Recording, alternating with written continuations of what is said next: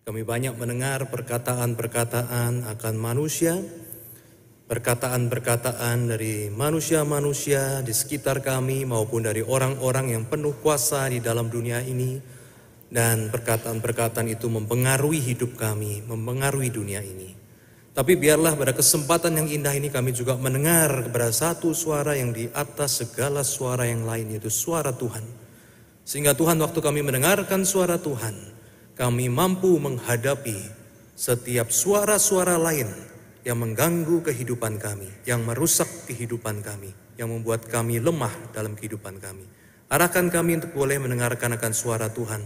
Roh Tuhan, Roh Kudus Tuhan memampukan kami untuk boleh mendengarnya dan mengalami akan suara Tuhan dalam hidup kami. Kami serahkan waktu kudus ini ke dalam tangan Tuhan dalam nama Yesus Kristus Sang Penebus kami berdoa. Amin. Semua sekalian saya mengajak kita untuk boleh bersama-sama membaca dari bagian firman Tuhan dari kisah para rasul ayat yang kedua, ayat yang ke 46 dan 47. Oke, saya akan sedikit menghilang dari tayangan YouTube sebentar ya. dan muncul lagi. Iya. Yeah. Baik, kita akan membacakan dari, uh, saya nggak tahu cukup besar nggak ya? Oke, dari bahasa Indonesia masa kini atau BIMK, kita membacakan bersama-sama kisah para rasul 2, 46 dan 47. Oke, kita bacain sama-sama. Satu, dua, tiga. Setiap hari mereka terus berkumpul di rumah Tuhan serta makan bersama-sama dengan gembira dan rendah hati di rumah-rumah mereka. Mereka terus memuji-muji Allah dan disenangi oleh semua orang. Setiap hari jumlah mereka terus bertambah karena Tuhan memberikan kepada mereka orang-orang yang sedang diselamatkan. Terima kasih, silakan duduk kembali. Nah itu adalah Alkitab dalam terjemahan bahasa Indonesia masa kini ya. Biasanya kalau Alkitab yang Anda punya sekarang di dalam TB ya terjemahan baru. Nah, sekarang juga sudah keluar yang namanya TB2 atau terjemahan baru 2, yaitu lebih baru. Jadi kalau TB yang biasa Anda pegang itu terjemahan 1973 di launching. Jadi waktu disusun tuh dari kisaran tahun 1950 sampai 1960. Begitu ya. Nah jadi ini sudah ada pembaruan dan kalau Anda mau Alkitab terjemahan baru TB2 Anda bisa mendapatkannya di Kolportase GKI Sunter ya di lobi bagian jual buku Anda bisa ambil di sana, kalau habis Anda bisa pesen. Gitu. Nah, yang kita gunakan adalah bahasa Indonesia masa kini, ini agak sedikit menarik ya dibandingkan dengan TB. Kalau TB, baik TB1 maupun TB2 itu terjemahannya cenderung lebih ke harafiah atau literal. Jadi dari bahasa aslinya coba diterjemahkan ya mirip dengan bahasa aslinya. Bagus ya. Jadi kita bisa mengerti juga ya. Tetapi kelemahannya kadangkala adalah Waktu diterjemahkan secara harafiah atau letterlek, kadangkala kita itu kesulitan mengerti karena kalimatnya jadi terasa kaku. Nah, bahasa Indonesia masa kini adalah salah satu terjemahan walaupun tahun 1985, tetapi tujuannya diterjemahkan supaya yang membaca itu ngerti. Jadi, supaya yang baca ngerti, itu terjemahannya lebih diutamakan ya di dalam bahasa Indonesia masa kini daripada semirip mungkin dengan bahasa asli itu yang TB sama TB2. Dua-dua bagus, tetapi yang penting adalah uh, bagaimana ya kita bisa rutin untuk membaca. Nah, Bapak Ibu kalau belum bisa beli TB2, Anda juga bisa ya mendownload yang bahasa Indonesia masa kini supaya lebih paham karena biasa bahasanya lebih mudah dimengerti ya dari apps Anda Anda bisa klik ke bagian Alkitab yang misalkan di situ adalah tulisan TB2, ETB, kemudian Anda klik di situ akan muncul opsi-opsi pilihan. Nah, Anda bisa pilih versi lainnya. Kemudian di versi lainnya Anda bisa mengetik di bagian atas di bagian search itu bahasa Indonesia masa kini. Nah, kemudian Anda bisa klik dan download. Jadi ini masih ini adalah masih free ya, ini free begitu. Kalau TB2 baru belum keluar soft filenya ya. Menerjemahkan Alkitab itu sangat mahal sekali. Ya jadi tapi mereka punya strategi ya. Tapi BIMK ini juga adalah terjemahan LAI. Jadi saya cukup berani rekomendasikan karena cukup terpercaya ya. Jadi TB2, TB1, kemudian BIMK adalah dari Lembaga Alkitab Indonesia. Nah, firman Tuhan adalah hal yang penting begitu ya buat kita saat ini seperti juga penting ya buat mereka yang ada di awal-awal kekristenan. Oleh sebab itu mereka suka sekali berkumpul ya memuji Tuhan dan mendengarkan firman Tuhan. Ya kalau bacaan kita kan dari 46 sampai 47. Tapi kalau kita lihat dari 42, pentingnya firman Tuhan itu diberitakan dan dimengerti itu adalah sebuah hal yang sangat penting sekali. Dan tentu aja kita mungkin bertanya-tanya begitu ya, kenapa sih orang Kristen suka sekali menerjemahkan Alkitab? Kenapa sih kita tidak bilang hamba Tuhan aja yang belajar bahasa aslinya, nanti jelasin ke kita. Kita tidak bisa baca bahasa aslinya. Kalau kita melihat Alkitab adalah salah satu buku, ya kalau kita bicara buku ya, walaupun kita tahu isinya firman Tuhan, yang paling banyak diterjemahkan. Kenapa? Padahal kita tahu ada di dalam sejarah ya posisi-posisi bahwa kitab suci tidak usah diterjemahkan. Nah itu walaupun kayaknya sekarang gampang kita lihat terjemahan-terjemahan, tetapi ada latar belakang teologisnya, latar belakang firman Tuhannya. Yaitu apa? Karena Alkitab mengatakan Keselamatan itu adalah karena iman kepada Yesus Kristus. Paulus mengatakan di dalam surat Roma bahwa iman datang dari pendengaran dan pendengaran akan firman Tuhan. Jadi orang bagaimana bisa diselamatkan kalau dia tidak bisa mengerti apa yang dia dengar? Bagaimana orang bisa beriman kepada sesuatu yang dia dengar dan dia tidak ngerti. Maka Alkitab itu penting sekali, terutama buat gereja reformasi untuk boleh diterjemahkan supaya bisa dimengerti oleh orang dari suku bangsa mana pun juga. Penerjemahan itu menjadi sebuah semangat. Nah, Bapak Ibu, alasannya adalah karena itu. Jadi kalau di dalam kekristenan kita itu selamat bukan karena Anda datang ibadah. Kalau orang Kristen selamat karena datang ibadah, Anda nggak ngerti khotbahnya apa, Anda nggak ngerti firman Tuhan, Anda baca Alkitab nggak ngerti nggak apa-apa. Kenapa? Yang penting datang gereja selamat. Tapi Alkitab nggak pernah bilang begitu. Anda dengar firman Tuhan nggak ngerti, Anda firman Tuhan Anda baca juga nggak ngerti karena bahasa Latin lah, bahasa yang lain lah. Yang penting Anda kasih persembahan. Apakah berarti Anda diampuni dosanya? Alkitab bilang tidak. Alkitab bilang keselamatan pengampunan dosa hidup yang kekal waktu orang itu beriman pada Yesus. Dan iman datangnya dari mana? Dari firman Tuhan yang dimengerti. Maka datanglah keselamatan. Nah Bapak Ibu jadi inilah Alkitab terjemahan yang kita punya harus kita hargai, kita baca itu latar belakang teologisnya itu nggak main-main. Satu hal simpel yang kita lihat sebenarnya itu di belakangnya ada prinsip yang lebih besar. Nah, Bapak Ibu, maka kita melihat sekarang kita melihat ya di dalam kehidupan jemaat itu firman Tuhan menjadi sebuah hal yang penting. Bagaimana itu menuntun kehidupan. Nah termasuk kita melihat di dalam kehidupan jemaat pada saat itu ya salah satu tempat yang penting untuk mereka beribadah dan mendengarkan firman Tuhan dan memuji Tuhan adalah di bait Allah Yerusalem. Nah, jadi ini adalah bait Allah Yerusalem di mana Tuhan Yesus kita, Tuhan Yesus ya juga pernah hadir di sana, pernah berkhotbah di sana begitu. Nah yang mana eh, jemaat itu kalau kumpul di bait Allah ya itu moga-moga gambarannya cukup jelas gitu ya. Itu bangunan yang sangat besar sekali. Orang itu masuk bisa banyak.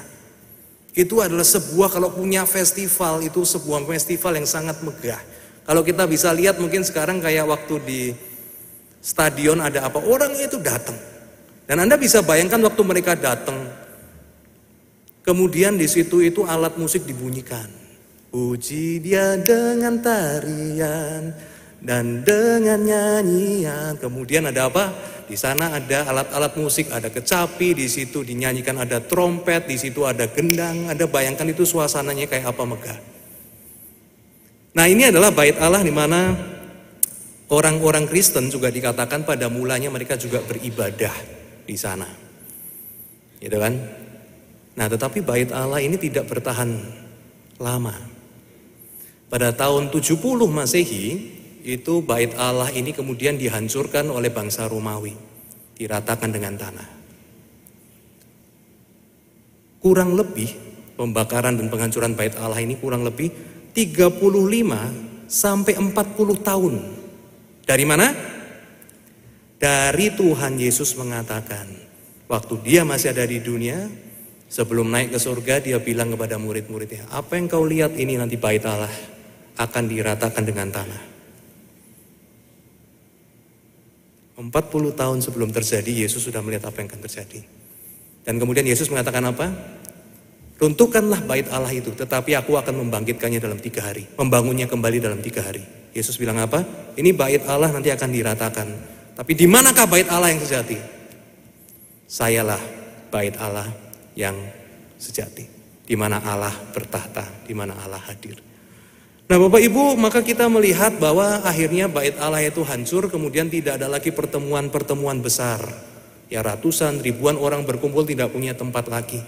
Tapi orang Kristen apakah berarti berhenti beribadah? Ternyata tidak.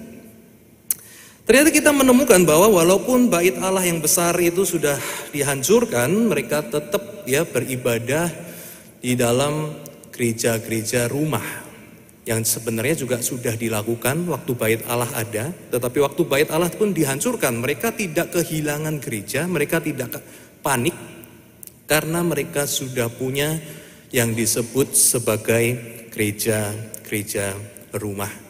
Nah, gereja-gereja rumah itu lebih kecil, lebih sederhana, perkumpulannya juga tidak terlalu besar ya, tetapi ternyata ini adalah gereja-gereja rumah menjadi tempat di mana orang Kristen tetap bertumbuh karena dari tahun 70 gereja itu dihancur, uh, bait Allah dihancurkan, tidak ada bangunan gede lagi buat orang Kristen beribadah. Sampai tahun berapa? Sampai tahun 313 kurang lebih. Waktu Kaisar Konstantinopel di Roma mengatakan bahwa orang Kristen juga punya hak ibadah. Di dalam Edik Milano, surat perintah Milan.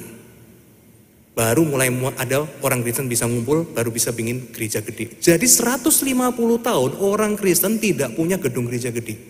Tapi tetap bertahan. Jumlahnya tetap banyak dan seperti yang dituliskan di Alkitab, jumlah mereka ditambahkan terus menerus. Dan terjadi di mana?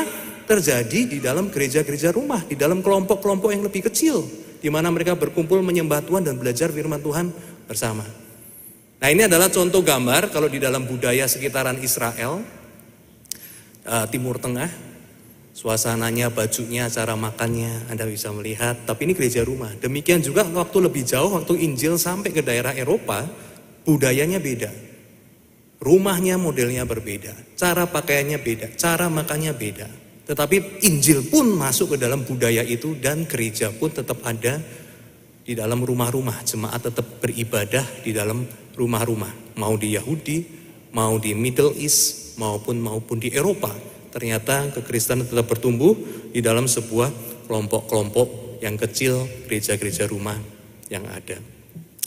Nah, Bapak Ibu, saudara-saudari sekalian, jadi di sini kita bisa melihat satu kebenaran bahwa baik ibadah dalam jumlah yang besar maupun ibadah dalam jumlah yang kecil, kelompok-kelompok yang lebih kecil, ini adalah seperti kaki kita tetap bisa bergerak, pergi sekolah, tetap bisa pergi ke gereja, tetap bisa pergi kerja. Hanya dengan satu kaki. Misalkan waktu kita patah kaki salah satu. Gitu kan, nonton sepak bola, lupa yang main sepak bola di TV, di sono. Kita pikir kita ikut main, begitu ditendang kita ikut tendang, gol gitu kan. Kita tendang TV-nya. TV-nya jatuh kena kaki kita, patah. Kita cuma punya satu kaki sekarang. Oke, okay? Bisa kerja? Bisa. Bisa pergi kerja? Bisa. Bisa pergi sekolah? Bisa. Satu kaki. Tapi kalau ditanya, berapa banyak hal besar yang bisa dilakukan dengan satu kaki? Ya terbatas. Saya nggak bisa lari, saya nggak bisa lompat tinggi, saya nggak bisa bergerak cepat kalau dipanggil karena satu kaki. Idealnya selalu dua kaki. Itu berjalan dengan baik. Nah, memiliki sebuah ibadah di dalam jumlah yang besar itu satu kaki memiliki ibadah, memiliki persekutuan, kelompok-kelompok kecil itu adalah satu kaki lagi yang lain. Waktu dua ini digabungkan dalam kehidupan kita sebagai orang Kristen, maka kita sebenarnya sedang bisa bergerak, bertumbuh dengan cepat. Nah ini persis seperti yang Alkitab bilang. Mereka beribadah di rumah Tuhan, bait Allah, tetapi mereka juga bertumbuh di dalam rumah-rumah persekutuan-persekutuan yang lebih kecil. Nah, kalau kita sudah melihat kebenaran itu, sekarang bagaimana GKY Sunter itu mengaplikasikannya, membawanya ke dalam pelayanan di gereja kita. Nah, di sini kita akan melihat sebuah skema ya pemuritan karena gereja kita kan disciple making church, gereja yang maunya itu menghasilkan murid. Itu adalah visi kita, disciple making. Kita bukan event making.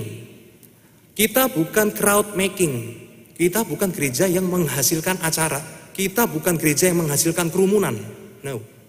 Kita punya visi disciple making church. Gereja hasilnya apa setelah ada di dalam gereja? Menjadi murid Kristus, serupa Kristus. Nah, di dalam sebuah kesadaran visi seperti itu, maka kita melihat begitu ya, ada sebuah pergerakan langkah-langkah yang diambil harus diambil oleh setiap jemaat yang ada, saya dan Anda. Dan kalau kita melihat di dalam skema itu, kita bisa melihat ada satu skema yang warnanya merah besar. Nah, itu adalah kebaktian dalam jumlah besar. Nah, itu sebuah lingkaran yang besar. Nah, itu bisa kebaktian umum, ya seperti sekarang ratusan, itu juga bisa kebaktian tertentu begitu ya. Di misalkan komisi wanita juga bisa 100 lebih, Ya youth juga kalau ngumpul semua bisa 100 lebih, ya sekolah minggu juga kalau digabung bisa 100 lebih, begitu kan. Jadi sebuah ibadah dalam jumlah yang besar. Nah, di dalam proses pemuritan kita melihat bahwa kita perlu satu kaki lagi. Yaitu ada kelompok-kelompok kecil yang boleh menolong supaya proses kita itu menjadi serupa Kristus itu bisa berjalan lebih baik. Yaitu yang kita lihat di bagian bawah warna kuning. Itu ada lingkaran juga yang kalau kita lihat lingkaran empat lingkaran itu kalau digabung jadi yang gede juga. Tetapi kita memilih tidak gede, kita memilih memecahnya menjadi lingkaran-lingkaran yang lebih kecil. Nah itulah yang kita kenal sebagai kelompok kecil GKI Sunter atau kita sebut sebagai komunitas pemuritan di dalam kehidupan gereja kita.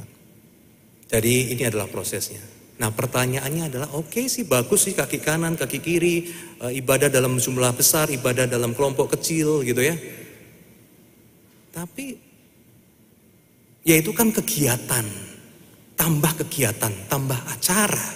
Kita Jakarta ini sibuk. Pertanyaannya adalah selalu di dalam kita mengambil sebuah keputusan bukan seberapa mahal, bukan seberapa sibuk. Yang harus kita ambil sebuah prinsip di dalam kita mengambil keputusan adalah seberapa penting banyak rapat tidak lebih baik dari sedikit rapat yang penting. Keluarkan banyak uang tidak lebih penting dari keluarkan sedikit uang tapi penting. What is important in your life? What is important in my life? Itu menjadi sebuah hal yang penting. Nah, sekarang saya akan paparkan kenapa ini bukan hanya sekedar menambah kegiatan, menambah kelelahan, tapi pertanyaannya adalah why this is important? Nah itu akan kita jawab bersama-sama. Bapak Ibu Anda melihat sebuah skema, uh, sebuah bagan gitu ya. Nah kita melihat bahwa kalau di dalam lingkaran merah atau kebaktian yang besar itu kita melihat ada kelebihan-kelebihan yang kita bisa lihat di situ. Misalkan waktu kita melihat jumlahnya, kalau kebaktian yang besar itu memang pasti jumlahnya besar. Dan kalau jumlahnya besar itu rasanya itu lain. Misalkan kayak tadi nyanyi ya. Hari ini hari yang telah dijadikan Tuhan. Terus Anda dengar semua nyanyi seratus. Mari kita bersuka di dalam Tuhan. Dengar ramah di dalam Tuhan. Wah, itu rasanya jiwa kita ngangkat gitu. Waduh, saya menyembah Tuhan, memuji Tuhan bersama dengan orang-orang yang percaya. Rasanya lain memang. Waktu kita mengatakan bersuka, wah rasanya gitu ya. Kayaknya wah jiwa kita terangkat, kita melihat saya itu tidak sendirian ya, ternyata pengikut Kristus itu juga banyak gitu. Nah itu kelebihan daripada kebaktian yang besar. Tapi kebaktian besar juga punya tantangannya. Yaitu kalau kita melihat di sini, tantangannya adalah kalau kebaktian atau pertemuan dalam jumlah besar itu komitmennya cenderung rendah. Misalkan saya khotbah begini, sebelah Anda tidur, apa yang akan Anda lakukan? Anda akan biarkan. Kenapa? Saya juga tidak kenal dia, itu hak dia mau tidur, itu di hadapan Tuhan, saya nggak ada urusan sama dia. Pengakuan dosa, mari kita mengaku dosa, kesempatan indah. Di gereja mengaku dosa. Waktu semua tutup mata, kita pegang handphone ya, kita cari di rumah makan mana yang kita mau datang, kita mulai WA teman kita atau sebagian keluarga kita, eh jangan lupa nanti jam begini ketemu di sini. Pas semua tutup mata. Ada yang keberatan, ada yang menegur, hati nurani kita berbunyi, oh ini nggak bener nih. Kemungkinan besar tidak. Kenapa? Karena kita cuma satu orang di tengah ribuan. Selesai khotbah, kita hamba Tuhan selalu ada tiga pilihan, tiga respon. Respon pertama ini yang saya harapkan dari Anda nanti ya, selesai khotbah nanti pas halaman, saya tungguin di satu-satu. Pak, terima kasih firman Tuhannya. Kena, puji Tuhan. Wah ya. Ingat ya, saya pilihannya nomor berapa? Nomor satu. Nah, jangan lupa ya. Pilihan nomor dua. Waktu disalamin, Pak, khotbahnya, aduh berat banget. Gue nggak ngerti Bapak ngomong apa. Keberatan Pak, terlalu abstrak. Moga-moga nggak ada nanti nomor dua begitu ya. Nomor tiga, respon tiga. Pak, khotbah kok cetek. Khotbah kok dangkal. Yang Bapak ngomong 10 tahun yang lalu saya juga udah tahu. Hah. Jadi yang bilang khotbah gampang silahkan coba di sini nanti ngadepin jemaat sendiri satu-satu ya. Nah, yang bilang gampang khotbah. Hmm? Tekanan sosialnya tuh gede gitu kan. Nah. Pertanyaannya kan begini. Kalau saya khotbah gini, saya lihat ada anak SMA, saya lihat ada anak kuliah, saya lihat ada yang SMP, saya lihat ada yang sudah nikah, saya lihat yang sudah ada nikah punya dua anak, saya lihat ada yang sudah mulai punya cucu. Saya harus khotbah di sini yang waktu saya khotbah, perkataan saya, pilihan kata saya, cerita saya, paling enggak itu dari SMP sampai yang sudah usia indah, harus bisa ngerti itu tantangan dari pengkhotbah kalau jumlahnya gede gini. Kalau saya cuma khotbah anak muda, eh kita bicara ya Instagram ini begini ya sekarang ya kita bicara tentang thread. Ya kita yang tua bilang lu ngomong apa? Kita jadi bosan, jadi berdosa. Akhirnya kita ngerumel sendiri ini pendeta ngomongnya ini pilih kasih. Demikian juga waktu saya balik, saya bicara masalah tantangan kerja, dunia kerja, relasi suami istri. Yang Yud bilang apa? Lah, gara-gara khotbahnya Juanto Markus, saya malah dikutuk loh. Dikutuk kenapa? Saya jadi takut nikah. Oh contoh cerita nanti kalau nikah ya ada ribut apa. Nah, kan repot. Nah itulah tantangan-tantangan kalau kita hanya mengambil salah satu yaitu kebaktian dalam jumlah besar. Ada keterbatasan-keterbatasan. Nah penyelesaiannya apa? Penyelesaiannya adalah kalau kita berhenti hanya pakai satu kaki dan mulai pakai dua kaki. Nah, kita sekarang lihat slide lagi di situ. Nah, kalau di dalam slide itu kita melihat pertama kelompok kecil tuh kayaknya jumlahnya kecil. Oh, satu kelompok lima, satu kelompok tujuh, satu kelompok sepuluh, gitu kan? Tapi bedanya apa? Bedanya adalah kalau angka yang kecil itu dikalikan jumlah. Misalkan kita bilang, oh GKI Sundar sekarang berapa? Uh, jemaatnya 800 ribu kayaknya besar. Gitu ya. Ditanya, oh kelompok kecilnya berapa? 60. Eh kayaknya kan jumlah kecil, 60. Kayak 60 jemaat kan dikit ya, 60. Tapi coba bilang 60, isinya 5. Berapa jadi? Sama dengan? Capek. Bukan capek, capek. Uh banyak juga ya. Kadang-kadang setelah dikali kita baru sadar, oh iya banyak juga ya. Nah itu kelebihan dari kelompok kecil. Kelihatan kecil-kecil-kecil, tapi kalau kita kumpulin, woi ternyata Tuhan itu gerejanya gede juga, gereja Tuhan besar. Kemudian kita melihat kaki berikutnya, begitu ya. Di dalam KP, misalkan tantangannya adalah komitmen itu biasa itu agak tinggi. Nah ini kelebihannya. Kalau di gereja ada pengakuan dosa bisa tidak doa, diajak doa siafat bisa tidak doa. Kalau di kelompok kecil, susah. 10 orang ngumpul, ya kita berdoa saling mendoakan di kafe kita biasa gitu. Ya harus sharing ada yang mau didoakan apa gitu. Mungkinkah waktu kita ada 10 orang ngumpul begitu, terus saling mendoakan? Pas doa, ayo kita doa buat teman-teman kita. Oh Tuhan berkati itu. Mungkinkah saya pegang handphone? Saya bilang, eh kita malam ini nanti itu yuk uh, pergi jalan-jalan ke mana yuk kita makan malam di mana yuk begitu ya. Mungkin nggak?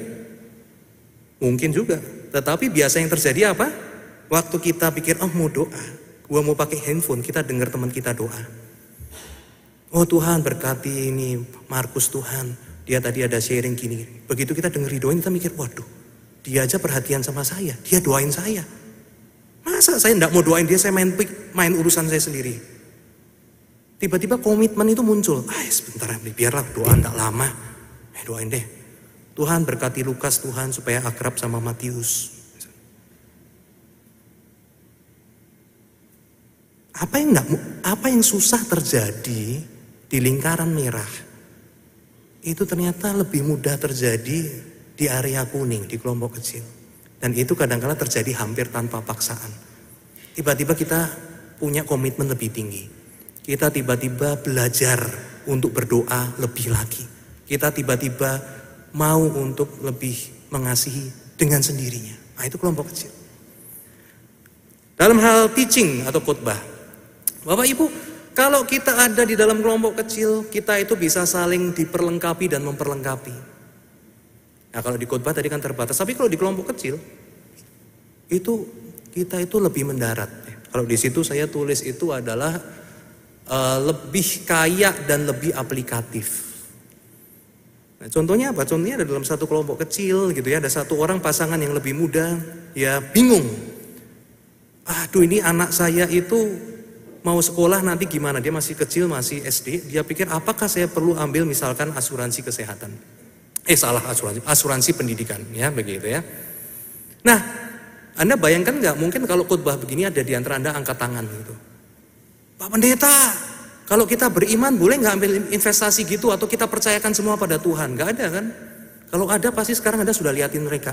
Yo semua jemaat lihat dia. Pasti kita diem, pergumulan kita simpan di hati. Aduh, Katanya harus beriman, tapi kalau beriman tuh berarti kita boleh siap-siap investasi dan sebagainya enggak ya? Atau kita udah serahin semua sama Tuhan? Bingung. Nah kebingungan ini akan bisa terselesaikan kalau Anda ada di dalam kelompok kecil. Kelompok kecil Anda nggak takut ada 10 orang, ada 8, ada 12 orang, tergantung. Kemudian cerita. Aku tuh punya pergumulan kemarin dengar firman. Beriman sama Tuhan jangan khawatir. Tapi apakah berarti anak saya ini, saya khawatir. Bisa saya sekolahin nggak besok, uangnya cukup nggak? Jadi saya itu harus gimana ya? Nah ini ngomong 10 orang kan enak, apalagi udah dekat kenal. Nah kemudian yang lebih senior bilang, oh pengalaman saya nih, ya saya tahu saya, saya diajar di gereja. Beriman bukan berarti tidak melakukan apa-apa. Dikatakan Tuhan pelihara burung, Tuhan kasih burung makan. Oh ya, tahu firman itu? Tahu. Sekarang pertanyaannya, burung itu diem doang di sana di ranting, terus cacingnya datang dari atas, burungnya tinggal di dongak, buka mulut, ah, cacingnya jatuh, out. Atau Tuhan sediakan makan buat burung adalah burungnya tetap terbang dari pohon ke pohon, tapi tiap dia terbang dari satu pohon ke pohon lain, dia temukan makanan di situ. Jadi apa? Iman percaya Tuhan memelihara bukan berarti kita nggak terbang, kita nggak bergerak, kita nggak berusaha. Bergeraklah, berusahalah. Tapi percaya di dalam setiap kegerakan kita, kita perlu panggil Tuhan dan kita perlu percaya kepada Tuhan ada di sana. Wah kemudian dia cerita lagi, kalau menurut pengalaman saya, saya pernah pakai investasi gini sih, ini kelebihan ini, kekurangan ini, dananya begini. Nah itu bisa terjadi kalau di dalam kelompok kecil. Tidak bisa di kebaktian umum. Kalau hari ini saya khotbah tentang bagaimana kita membesarkan anak biaya studi, Ya hari ini yang youth bilang, wah kalau tahu jadi orang tua susah, nggak usah nikah. Punya anak susah, ya kan repot kan? Karena ada yang tidak ngerti konteksnya apa, yang youth. Nah tetapi waktu kita di dalam kelompok kecil hal-hal seperti ini bisa dieksplor. Yang namanya firman Tuhan bisa lebih meresep, bisa kita pikirin bersama-sama, bisa kita aplikasikan lebih tepat. Kenapa? Karena masing-masing kelompok kan sudah kenal. Ya, ada yang di youth saling kenal di remaja, pergumulannya apa anak sekarang. Yang ada yang dewasa Pak Sutri ketemu, ada yang komisi wanita ketemu, ada yang dari satu daerah ketemu. Jadi tahu kondisi lingkungan kayak apa, mereka bisa saling support. Jadi inilah indahnya kalau kita punya dua kaki, punya perkumpulan ibadah dalam kaki besar, eh jumlah besar dan juga dalam jumlah yang kecil. Nah itu sebagian saja kalau Anda lihat di slide sekali lagi, masih banyak aspek-aspek yang sebenarnya bisa saling melengkapi ya satu dengan yang lain. Nah sekarang kita masuk ke dalam bagian aplikasinya. Nah, dengan khotbah hari ini maka kita akan menemukan beberapa jawaban. Yang pertama, kita akan menemukan jawaban untuk P yang pertama. Kita sering kali bertanya, kita sering kali protes. Firmannya gak kena. Kita sering kali protes, jemaatnya itu dingin. Dua tahun ibadah ikut KU, nggak kenal siapa-siapa. Kita sering kali protes. Boleh protes? Boleh. Tapi yang paling penting sekarang kita tanyakan, ada nggak solusinya? Sebenarnya ada. Kalau Anda ada di dalam kelompok kecil, Anda akan mengalami sendiri protesnya berkurang. Anda bilang, wah ajarannya itu saya bisa diskusi sama teman kelompok kecil saya. Saya puas bisa diskusi terjadi di dalam kelompok kecil. Kesaksian, orang bilang, puji Tuhan setahun ikut KP, punya delapan teman baru, punya keluarga yang baru, keluarga rohani baru. Delapan teman baru yang kita kompak banget. Setahun punya delapan, dan dari delapan itu punya delapan itu masing-masing punya kenalan lagi yang lain. Sehingga jemaat ini kemudian apa? Semakin dia mengenal, semakin dia mengenal. Dan kemudian dia merasa jemaat itu nggak dingin. Cuman paling sungkan satu dengan yang lain.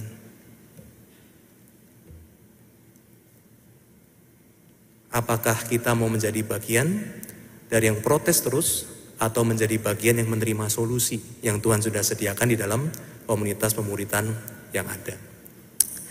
Kedua, kita menemukan sebuah jawaban terhadap sebuah pertanyaan. Kenapa ya proses pembentukan rohani saya itu terhambat? Saya dengan yang 10 tahun yang lalu itu sama. Padahal saya itu tiap minggu ke gereja. Tapi saya yang 10 tahun lalu sama saya yang sekarang sama. Kenapa proses itu terhambat? Jawabannya adalah mungkin karena kita hanya pakai satu kaki saja. Kita nggak pakai kaki yang lain. Bapak Ibu kalau kita ada di dalam KP sangat unik sekali kalau kita mengajukan pertanyaan yang agak dalam. Misalkan begini, eh teman-teman bisa sharing nggak? Perubahan apa yang terjadi di dalam diri teman KP kita selama setahun dua tahun terakhir? Hampir pasti mereka itu bisa menemukan Oh iya, Juan tahu. Si ini dulu begini, setelah setahun, setelah dua tahun dia ada perkembangan begini. Unik ya. Karena ternyata di dalam kelompok kecil itu kita memang dibentuk, kemudian kita itu mau tidak mau mengalami sebuah proses pertumbuhan. Menarik sekali. Kita bisa melihat perubahan itu. Tapi percaya deh, kalau kita cuma satu kaki, sekarang Anda lihat ke sebelah kanan kiri. Perubahan apa yang terjadi dengan mereka? Kita nggak tahu, kenal aja enggak. Nah tapi kita menemukan jawaban hari ini. Kalau kita mau proses kita itu bertumbuh, mari kita mengambil satu kaki yang lain. Dan hari ini kita melangkah keluar sana dengan kaki kita di lobi bagian bawah di depan gerbang ada stand untuk pendaftaran kelompok kecil. Silakan daftarkan diri Anda. Gak usah takut, cobalah dulu hadir satu dua kali, rasakan sendiri di situ sehingga nanti Anda bisa mengambil keputusan lebih jauh apakah Anda itu mau terus atau enggak. Tetapi dengan ini Anda akan bisa melihat bahwa kelompok kecil juga menjadi sebuah kunci dari proses pertumbuhan. Yang ketiga adalah masalah proteksi.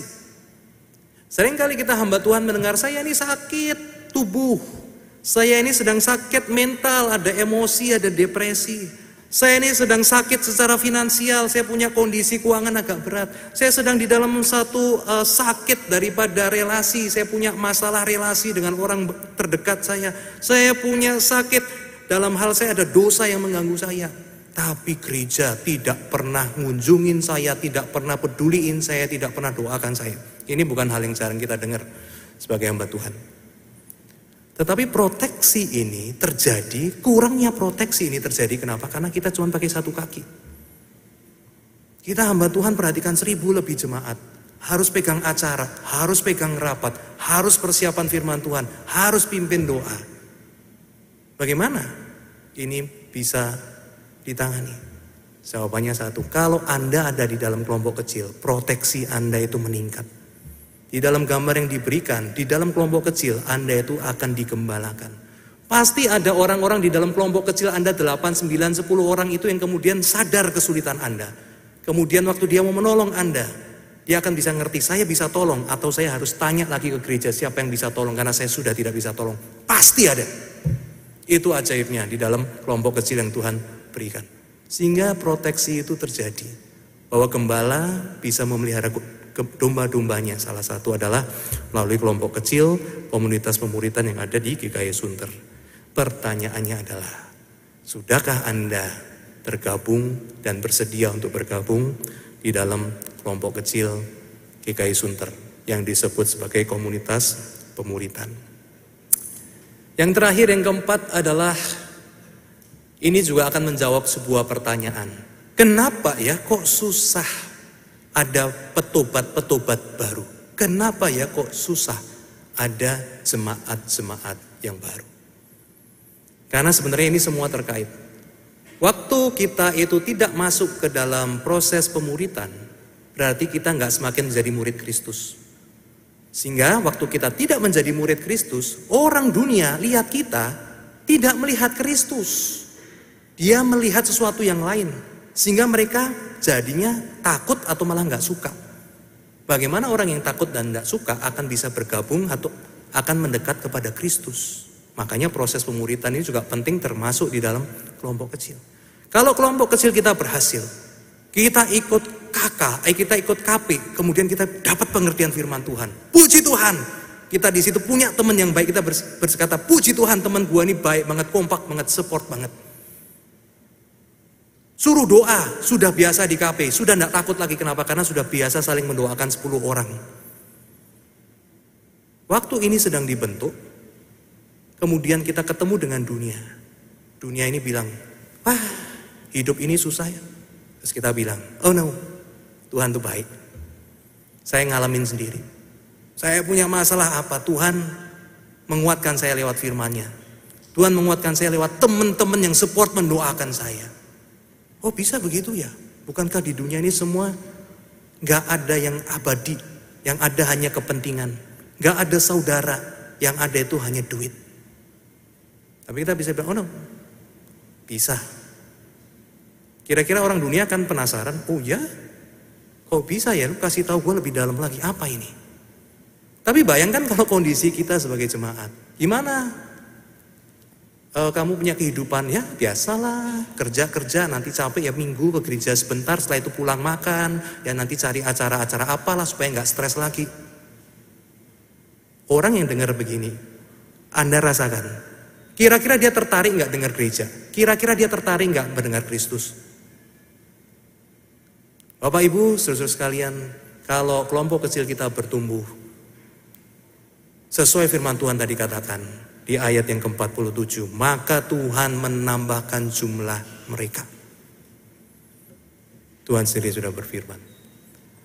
Maka prokreasi itu adalah penambahan, munculnya pengikut-pengikut baru. Itu akan bisa muncul kalau kita juga sendiri sudah mengalami perubahan serupa Kristus. Nah, Mari kita akan mengakhiri khotbah ini dengan melihat satu proyek nyata yang ada di GKI Sunter yaitu adalah kita hari ini bulan ini akan mengundang Anda terus untuk boleh bergabung di dalam kelompok kecil melalui sebuah program yang namanya Building Discipleship Community, membangun komunitas pemuritan.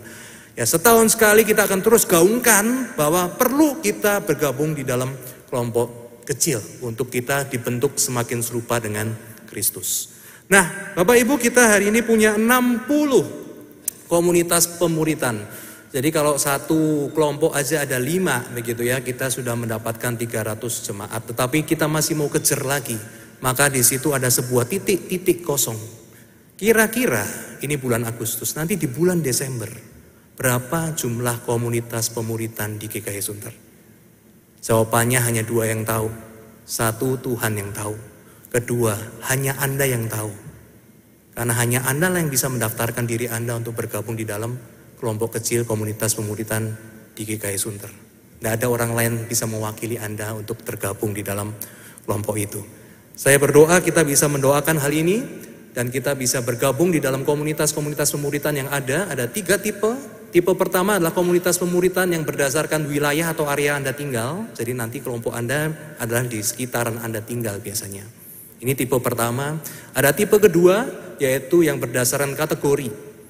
Anak muda sama anak muda, wanita sama wanita, pasutri sama pasutri, laki-laki sama laki-laki. Ya, itu juga bisa. Dan pilihan ketiga juga bisa yang bersifat gerejawi.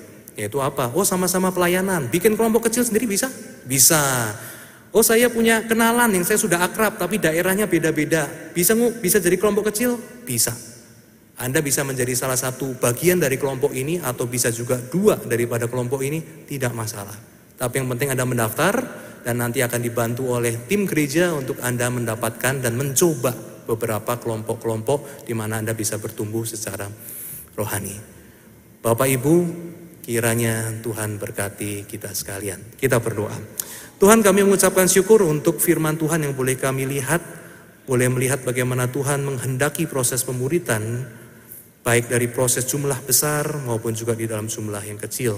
Dan kami GKI Sunter mencoba untuk mengaplikasikannya terus di dalam kehidupan pelayanan gerejawi kami. Tolong supaya sungguh-sungguh akan pola pelayanan ini boleh menjadi berkat bagi setiap jemaat Tetapi pada akhirnya Tuhan kami tahu bahwa kesediaan untuk bergabung dan mengalami berkat penyertaan Tuhan di dalam kelompok kecil juga tergantung kepada kami bersedia atau tidak untuk menerima berkat itu. Tolonglah kami semua, waktu kami nanti selesai dari ibadah ini, kami boleh memberanikan diri untuk boleh meminta brosur, melihat informasi dan mendaftarkan diri, bahkan mencobanya sehingga kami nanti boleh melihat bagaimana Tuhan akan menuntun kami dalam pertumbuhan rohani kami di kelompok kecil komunitas pemuritan yang ada. Terima kasih Tuhan, indah doa kami dalam nama Yesus Kristus kami berdoa dan bersyukur.